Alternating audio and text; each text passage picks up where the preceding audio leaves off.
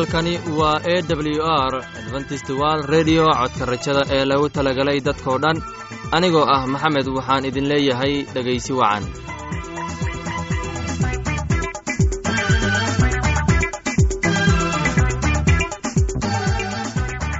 Barnaamijkeenna maanta waa laba qaybood. Qaybta koowaad waxaad ku maqli doontiin barnaamijka nolosha qoyska. Uu inoo soo jeedinaya cabdi kadib waxaa inoo raacaya cashar inaga imaanaya bugga nolosha uu inoo soo jeedinaya cabdi labadaasi barnaamij ee xiisaha leh waxaa inoo dheer heese daabacsan oo aynu idiin soo xulnay kuwaasoo aynu filayno in aad ka heli doontaan. Dhegaystayaasheenna sharafta lahow waxaynu kaa codsanaynaa in aad barnaamijkeenna si haboon ah u dhegaysataan. Haddii aad wax su'aalaha qabtaan ama aad haysid wax fikrad ah fadlan inala soo xiriir dib ayaynu kaaga sheegi doonnaa ciwaankeenna.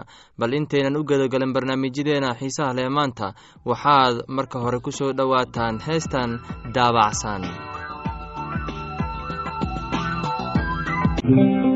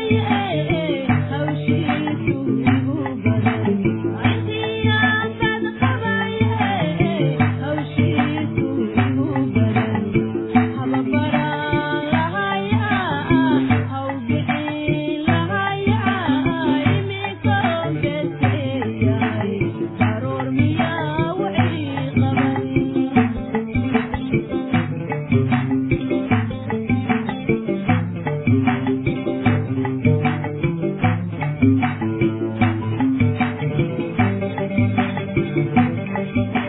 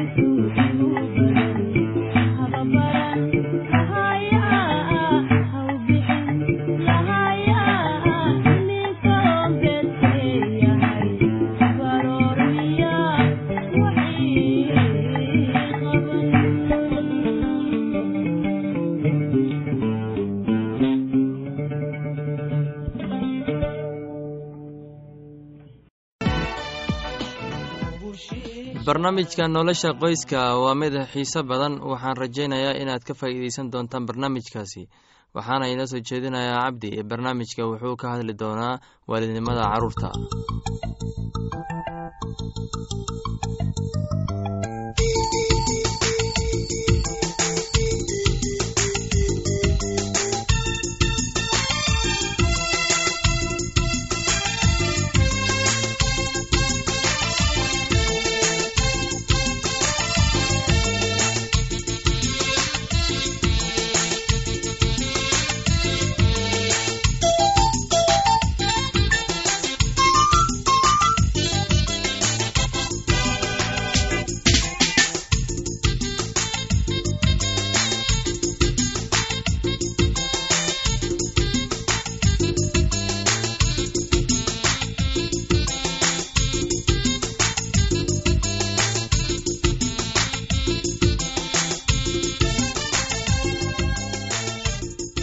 dhegaystayaal waxa aynu ka hadli doonnaa cashir ku saabsan nolosha qoyska kaasoo loogu magacdaray waalidiinta carruurtooda dhegaystayaal ku soo dhowaada barnaamijkeenna nolosha qoyska oo aad xiliyadan oo kale hawada inaga dhegaysataan. Maantana waxaynu ka hadli doonnaa daryeelka waalidka ay carruurtooda u qabaan. Mar weliba carruurta markii ay korayaan waxay u baahan yihiin daryeelka waalidkooda horumarka jidhka ayaa isbeddela iyagoo ku shuqul leh koritaanka jidhka cunuga. Haddii ay dhallinyaradu ka fikiraan safarka u dhexeeya carruurnimada iyo xilliga ay baaluqayaan markaasi waxay bartaan daryeelka iyo waalidka hoggaaminta cunuga ilaa uu ka gaaro dhallinyaro. Sida waxbaridda iyo xidhiirka bulshada iyo aragtida ra'yiga cusub muhiimadda aad ay leedahay arrintaasna waa shay uu cunuga la kulmo had iyo goorba. Dhegaystayaal waxaa jira saddex shay oo ugu muhiimsan aragtida daryeelka carruurta waxaana ka mid ah xidhiirka kormaridda iyo qalqaalada cilmiga nafsiga. Marka koowaad xidhiirka cunuga iyo waalidka waxay keentaa xidhiir isla socod ah oo ay yeeshaan mar waliba waalidka iyo carruurta haddii uu xidhiirkaasi cunuga iyo u dhexeeya iyo waalidkana uu yahay mid isku toosan una baahan hubaal jacayl ayaa meeshaasi ka dhalan doona. Dhallinyarada waxay sheegaan xidhiirka ay la leeyihiin waalidka ay tahay mid jacayl naxariis iyo taag badan leh waxayna leeyihiin fursad badan si ay u bilaabaan xidhiirka bulshadooda. Waalidka waxaa laga rabaa in ay carruurta ku dhiirigeliyaan horumarka iyo cilmi nafsiga ku saabsan. Waa in ay ku dhiirigeliyaan carruurtooda si ay u lahaadaan fikradda ugu fiican ay markaasi kula dhex noolaan karaan bulshadooda. Haddii aad samaysid xidhiirka ugu fiican iyo waalidka u dhexeeya tani waxa ay noqon kartaa mid carruurta barashadooda ay mar walba joogto ay noqoto. Dhegaystayaal aadaabta carruurtu way adag tahay hase yeeshee waa inaad ugu muhiimsan carruurta haddii ay og yihiin natiijada ay hadba ay leedahay in la edbiyo sida ay markaasi u toosaan. Dhegaystayaal daryeelka waalidka waa muhiim cusurka ugu muhiimsan ee markaasi ay ku koraan carruurta. Dhegaystayaal barnaamijkeenna maanta waa naga intaas waxaan idiin soo gudbinayay cabdi. Sidaas iyo ismaqal dambe iyo xiiso leh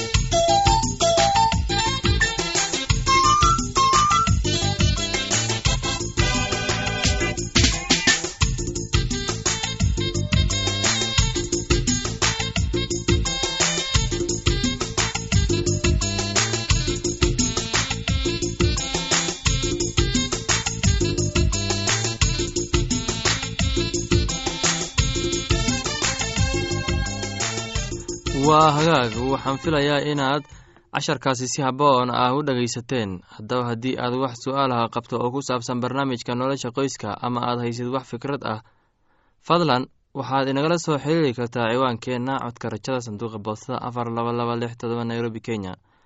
Mar labaad ciwaankeenna waa codka rajada sanduuqa boostada afar laba laba lix todoba nairobi kenya. Waxaa kaloo inagala soo xiriiri kartaa emeilka somali e w r at yahu dt com. Mar labaad emeilka waa somali e w r at yahu dt com. Somali e w r waa hal eray. Haddana waxaad ku soo dhowaataan heestan daabaxsan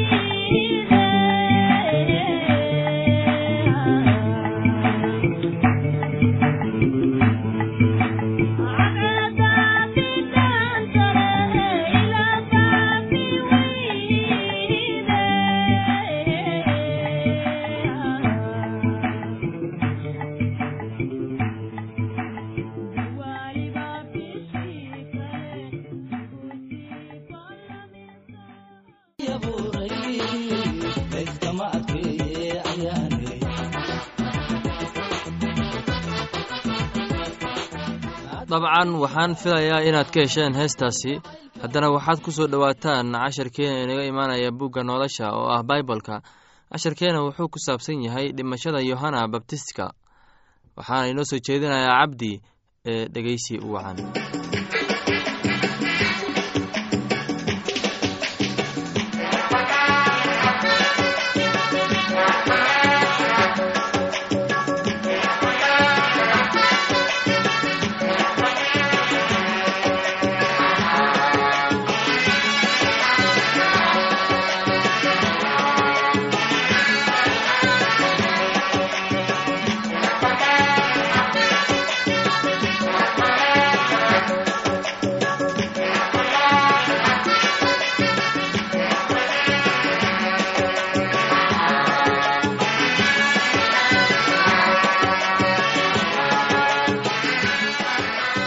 dhegaystayaal maanta cashirkeenna waxaan ku soo qaadan doonnaa cashir aan ka soo minguurinay kitaabka quduuska ama baibalka kaasoo ah dhimashadii yooxana babtism dhegaystayaal ku soo dhowaada barnaamijkeenna oo maanta waxaan ka hadli doonnaa kitaabka quduuska cashir ku saabsan dhimashadii yooxana sidaan horeba idinkugu sheegay waagaas taliya hedros ayaa warkii ciise maqlay oo wuxuu mididiinnadiisii ku yidhi kani waa yooxana babtisyaha kuwii dhintay ayuu ka soo sara kacay. Sidaa daraaddeed shuqulladan xoogga leh waa ku dhex jiraa oo ka dhex shaqaynayaan. Waayo hedros baa yooxana qabtay oo intuu xidhay ayuu ku xabisay. Walaalkiisii filibos naagtiisii herodaya aawadeed waayo yooxana wuxuu ku yidhi xalaal kuuma aha inaad haysatid oo goortuu doonay inuu dilo. Dadkii badnaa ayuu ka baqay maxaa yeelay waxay u haysteen sidii nebi oo kale. Goortii maalintaasi la xasuustay dhalashadii hedros timid gabadhii hedros ayaa dadkii dhexdiisii ku cayaartay. Oo hedros ayay ka farxisay kolkaasay dhaar ku ballanqaaday in uu siiyo wixii ay awowyaashoodiiba weyddiisteen iyadoo hooyadeed hore ula soo talisay ayay tidhi halkan xeero iigu soo rid madaxa yooxana baabtisyaha boqorkii waa calool xumaaday laakiin dhaarihii iyo kuwii la fadhiyey aawadood ayuu u amray in uu siiyo madaxii baabtism markaasuu cid diray oo yooxana xabsiga madaxa lagaga gooyey madaxiisana waxaa bay u keentay markaasay xertiisii timid oo meydkiisii qaadeen oo aaseen kolkaasay tageen oo ciise u warrameen. Dhegaystayaal maanta cashirkeenna intaas baynu ku soo gebagabaynaynaa sidaas iyo nabadgelyo iyo ismaqal dambe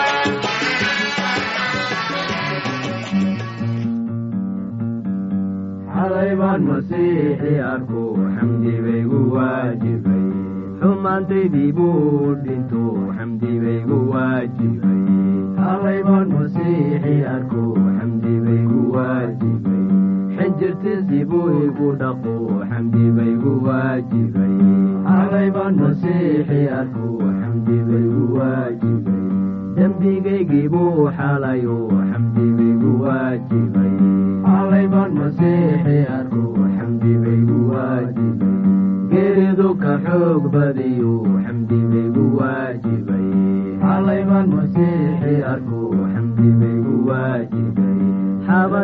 soo baxayu xamdi baygu waajibay xalaybaan masiixi arku xamdi baygu waajibay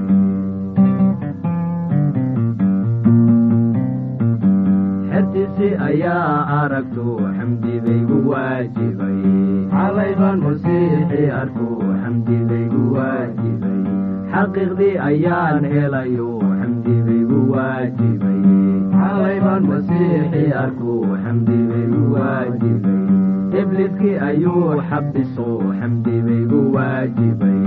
Xalay baan masiixi arkuu xamdibaygu waajibay cadaabtii xorbaanka ahoo xamdibaygu waajibay xalay baan masiixi arkuu xamdibaygu waajibay iimaankaygii baa xasilo xamdibaygu waajibay xalay baan masiixi arkuu xamdibaygu waajibay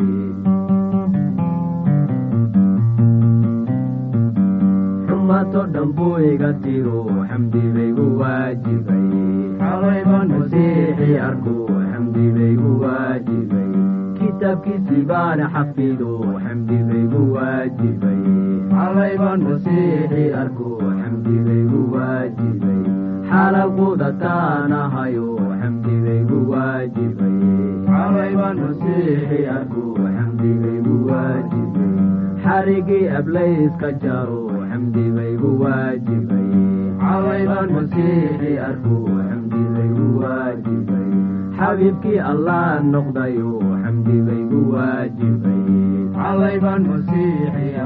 Xamdibaygu waajibay. Quduskay xiriiriyayo xamdibaygu waajibay. Waajibay. Xakinkan xusuusanahu xamdibaygu waajibay xalay baan masiixi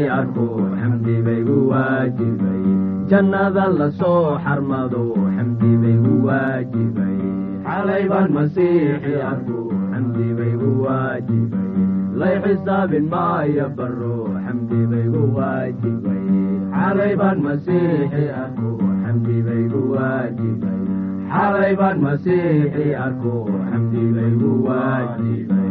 soomaalidu waxay ku maamahday aqoon la'aan waa iftiin la'aan bal akhrista kitaabka nuurka iyo fahmadda badan leh oo ah kitaabka quduuska loo yaqaana baibolka casharkaasi naga yimid bugga nolosha ayaynu ku soo gogobeyneynaa barnaamijyadeena maanta. Halka aad inagala socotiin waa laanta afka soomaaliga ee codka rajada ee lagu talagalay dadkao dhan haddii aad doonayso in aad wax ka kororsataan barnaamijka caafimaadka ama barnaamijka nolosha qoyska ama aad doonayso inaad wax ka barato bugga nolosha oo ah baibolka fadlan inala soo xiriir adoo waraaqaha ku soo hagaajinaya codka rajada sanduuqa boostada afar laba laba lix todoba nairobi kenya. Mar labaad ciwaankeenna waa codka rajada sanduuqa boostada afar laba laba lix todoba nairobi kenya. Emeilka anagu waa somali e w r at yahu dt com. Mar labaad emeilka waa somali e w r at yahu dt com. Somali e w r waa hal erey anigoo ah maxamed intaan mar kale hawada dib ugu kulmayno waxaan idinkaga tegaynaa heesta soo socota sidaas iyo nabadgelyo